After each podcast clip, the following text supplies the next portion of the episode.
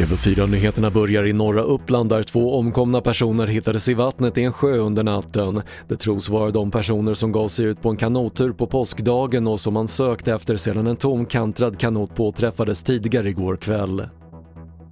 Polisen fryste tillgångar på nästan en kvarts miljard kronor under förra året på grund av misstänkt penningtvätt, rapporterar SR.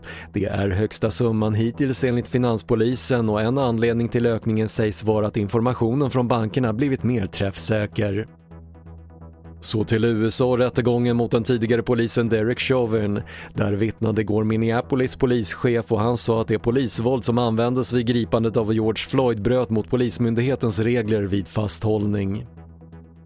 Och Nordkorea drar sig ur sommar-OS i Tokyo. Det uppger landets idrottsdepartement och anledningen är att man vill skydda sina idrottare från coronaviruset.